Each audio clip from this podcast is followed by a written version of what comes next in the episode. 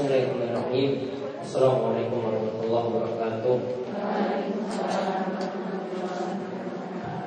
الحمد لله رب العالمين حمدا كثيرا طيبا مباركا فيه كم يحب ربنا ويرضاه واشهد ان لا اله الا الله وحده لا شريك له واشهد ان محمدا عبده ورسوله اللهم صل على نبينا وسيدنا محمد وعلى اله ومن تبعهم بسنن الدين Allahumma anfa'na bima 'allamtana wa 'allimna wa zidna ilma.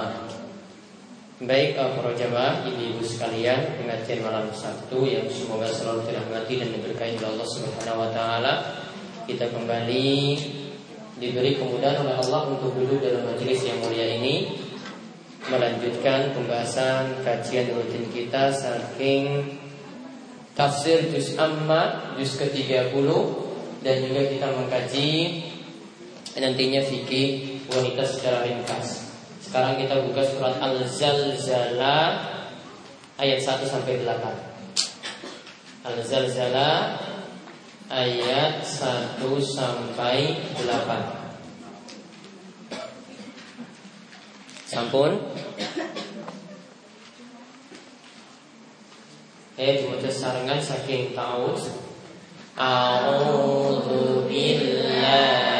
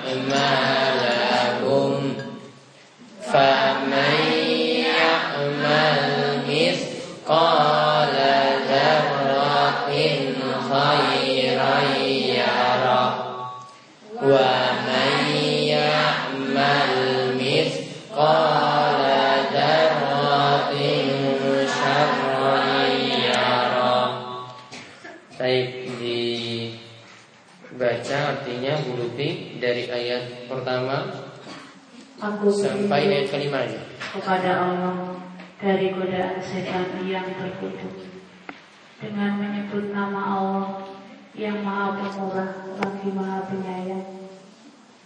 Apabila bumi diguncangkan dengan guncangannya yang dasar dan bumi telah mengeluarkan beban-beban berat yang dikandungnya dan manusia bertanya, mengapa bumi jadi begini? Pada hari itu bumi menceritakan beritanya Karena sesungguhnya Tuhanmu telah memerintahkan yang sedemikian itu kepadanya Baik. Sampai ayat kelima. Baik, kita lihat surat Al-Zalzalah. Ini zalzala saya ditulis dulu artinya. Zalzala artinya goncangan. Jadi tafsir Al-Zalzala kita terangkan dulu. Al-Zalzala artinya goncangan.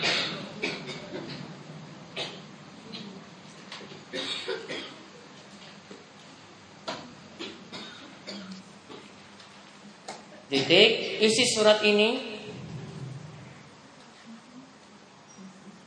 menceritakan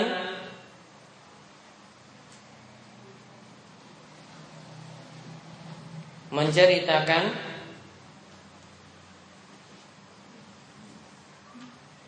tentang hari kiamat.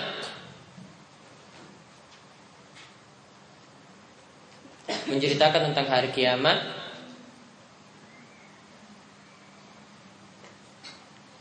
Di mana saat itu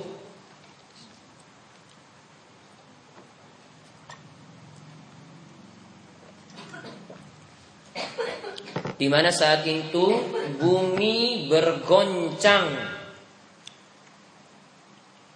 Di mana saat itu bumi bergoncang. Begitu dahsyatnya.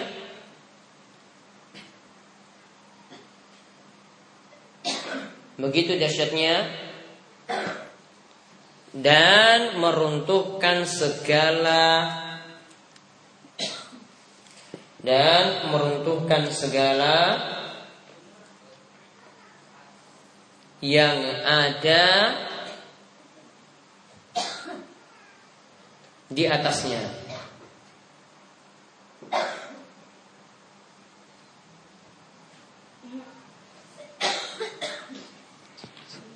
Juga diterangkan juga diterangkan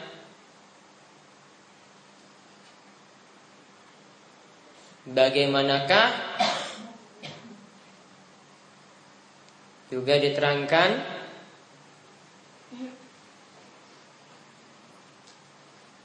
Bagaimanakah setiap amalan?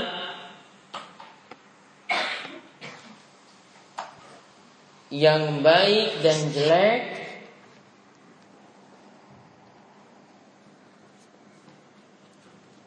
yang baik dan jelek akan dibalas.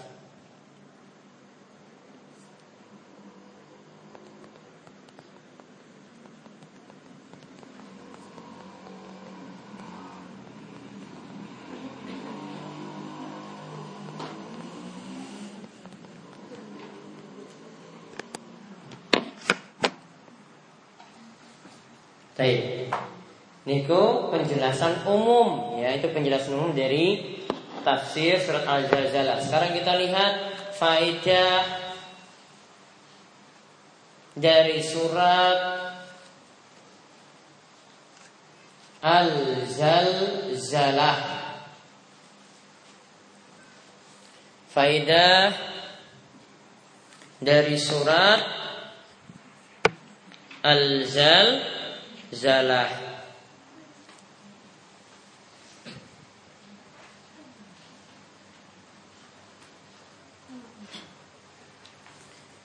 Nah, lihat ayat pertama.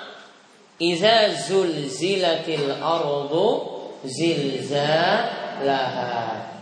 Sebagian itu ada yang salah baca. Ini rata-rata bukan rata-rata. Ini orang dulu.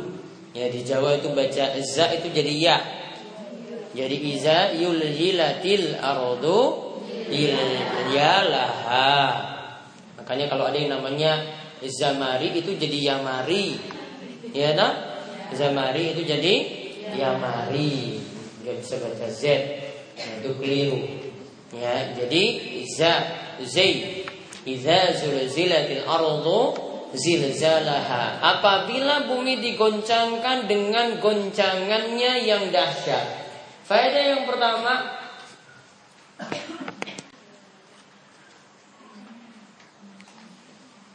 Pada hari kiamat Pada hari kiamat Pada hari kiamat bumi akan bergoncang dari bawahnya. Bumi akan bergoncang dari bawahnya. Seperti rindu kalau ya terjadi gempa itu bergoncang dari bawah. Nah ini sama halnya seperti yang diterangkan saking surat Al-Hajj ayat pertama Ya ayuhan nasu taqu rabbakum inna zalzalata sa'ati syai'un azim. Wahai manusia, takutlah kepada Allah, bertakwalah kepada Allah. Sesungguhnya goncangan pada hari kiamat itu adalah suatu goncangan yang sangat dahsyat. Jadi ayat pertama ini menerangkan nanti kondisi bumi nanti seperti itu pada hari kiamat. Kemudian lihat ayat yang kedua wa akhrajatil ardu asqalaha dan pada hari itu bumi mengeluarkan isi-isinya. Faedah yang kedua. Pada hari kiamat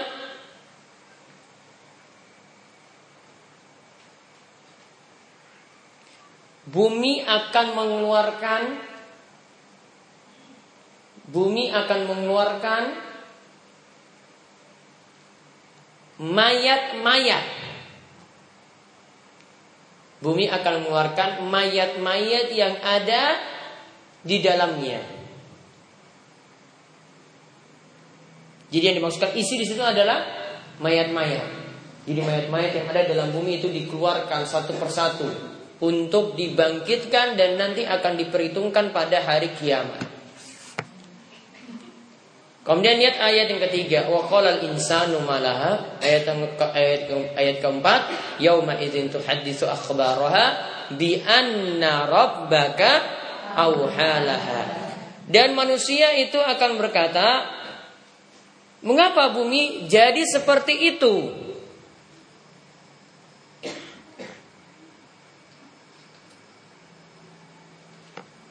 Jadi ini ingin menerangkan ayat ketiga ini ingin diterangkan Sebelumnya bumi itu dalam keadaan tenang. Lalu tiba-tiba bergoncang. Sama ketika kita itu dapati gempa, ya sebelumnya itu tenang, kemudian terjadi gempa seperti itu semua bertanya-tanya, ini apa yang terjadi? Maka ketika hari kiamat juga orang-orang itu bertanya, apa yang terjadi dengan bumi yang sebelumnya itu tenang kemudian jadi bergoncang? Maka faedah yang ketiga,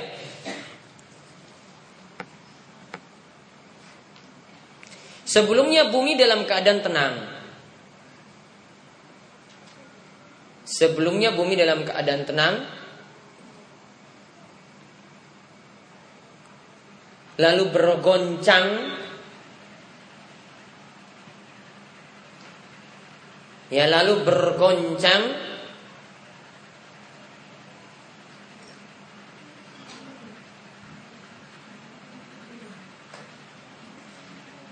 Lalu keluarlah mayat Lalu keluarlah mayat dari manusia yang dulu dari manusia yang dulu dan manusia belakangan. Dari manusia yang dulu dan manusia belakangan.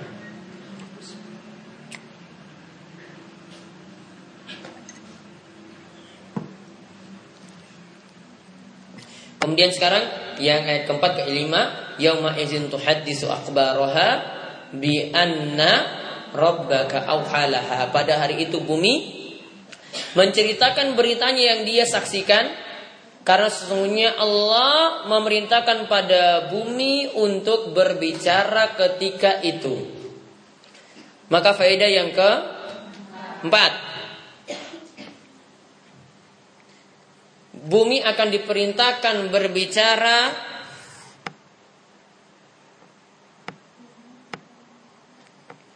Bumi akan diperintahkan berbicara pada hari kiamat.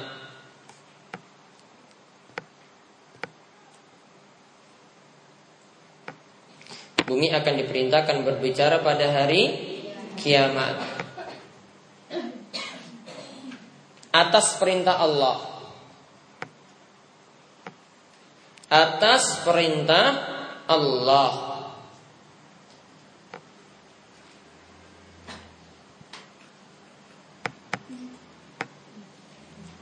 Kemudian faedah yang ke lima. Setiap tempat di muka bumi ini setiap tempat di muka bumi ini akan menjadi saksi. Akan menjadi saksi dari setiap orang yang beramal. Akan menjadi saksi dari setiap orang yang beramal. Jadi kalau dia berada di masjid, tempat ini akan ngomong nanti pada hari kiamat, oh ibu ini sudah berada di masjid ikut pengajian. Kalau dia berjalan sambil berzikir, ya nanti tempat yang dia berjalan sambil berzikir tadi tempat ini jadi saksi. Oh, ini ibu ini kemarin dia zikir di sini. Orang-orang sibuk-sibuk jualan, dia masih zikir di tempat ini.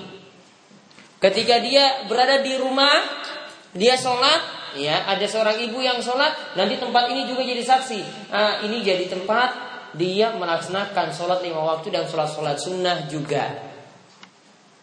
Maka untuk amalan kebaikan tempat tadi jadi saksi. Untuk amalan maksiat juga nanti tempat tersebut akan menjadi saksi. Jadi ketika dia misalnya nyolong sendal, pas di masjid misalnya, nah tempat ini akan ngomong, oh ini kemarin nyolong sendal loh. Katanya kalau masuk masjid itu ya tinggalkan yang jelek, ambil yang bagus ya. Maka ketika pulang bawa pulang yang sendal yang bagus. Jadi saksi nanti tempat ini. Kemudian ketika dia disembunyi-sembunyi lagi maksiat, maka tempat ini akan ngobrol. Orang lain mungkin tidak lihat, namun bumi yang tempat dia berpijak tadi nanti akan berbicara. Oh ini dia, si A ini lakukan maksiat di tempat ini. Nanti ketika dia di rumah juga demikian, mau tempat di mana pun tempat dia itu berpijak, semuanya akan jadi saksi baginya, akan berbicara pada hari kiamat. Faedah yang ke-6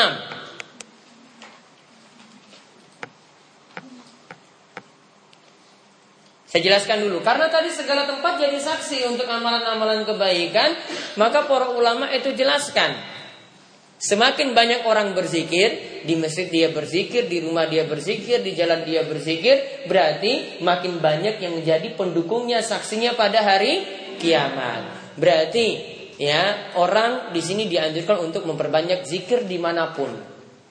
Contoh yang lainnya lagi, orang melakukan sholat, Ya, diperintahkan kalau ada yang melakukan sholat itu di masjid, maka baiknya dia lakukan sholat sunnah rawatibnya itu di rumah. Kenapa? Nanti akan ada jadi saksi di masjid, oh, orang ini lakukan sholat di masjid. Ketika pulang dia lakukan sholat sunnah, oh berarti rumah ini nanti jadi saksi baginya melaksanakan sholat sunnah. Kalau semuanya dia lakukan di masjid, pendukungnya cuma di masjid saja. Namun makin banyak tempat dia lakukan amalan tadi berarti makin banyak yang jadi saksi. Sama halnya sederhananya pernah saya terangkan ketika kita bahas sholat. Ketika ibu-ibu rampung dari sholat wajib, diperintahkan apa? Bar sholat pindah tempat atau sholatnya di tempat itu? Pindah. Pindah tempat. Kenapa pindah tempat? Biar banyak yang jadi saksi. Karena nanti kita pindah nih, geser kanan, Niki sholat wajib keterigi. Kemudian sholat sunnahnya pindah. Maka tempat ini jadi saksi untuk sholat wajib, yang tempat yang satunya lagi jadi saksi untuk sholat sunnah. Berarti faedah yang keenam, jika banyak tempat yang jadi saksi,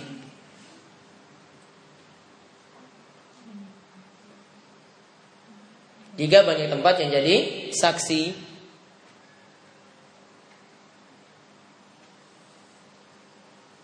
Maka kita diperintahkan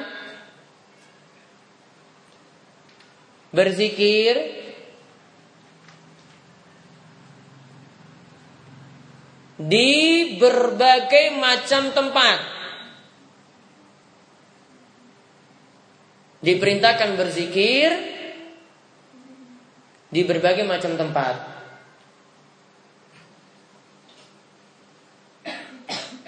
Begitu pula kita diperintahkan hidupkan sholat.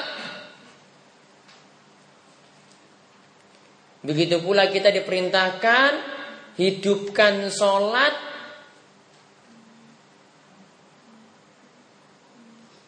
Di masjid dan di rumah. Ya, saya ulang, begitu pula kita diperintahkan hidupkan sholat di mana? di masjid dan di rumah. Jadi bukan di masjid saja. Kemudian juga diperintahkan berpindah tempat. Juga diperintahkan berpindah tempat ketika melaksanakan sholat wajib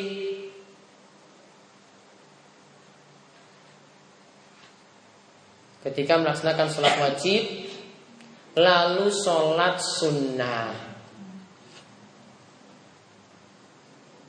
sholat wajib lalu sholat sunnah geseng terakhir niku disunahkan namun kalau dia tetap di tempat ya buatan masalah namun sebagaimana kata ulama syafi'i kita disunahkan pindah tempat di antara tujuan yang lainnya juga biar orang tidak sangka ini adalah lanjutan dari sholat wajib. Jadi sholat wajibnya sendiri ya di tempat itu tadi sholat sunnahnya sudah berbeda.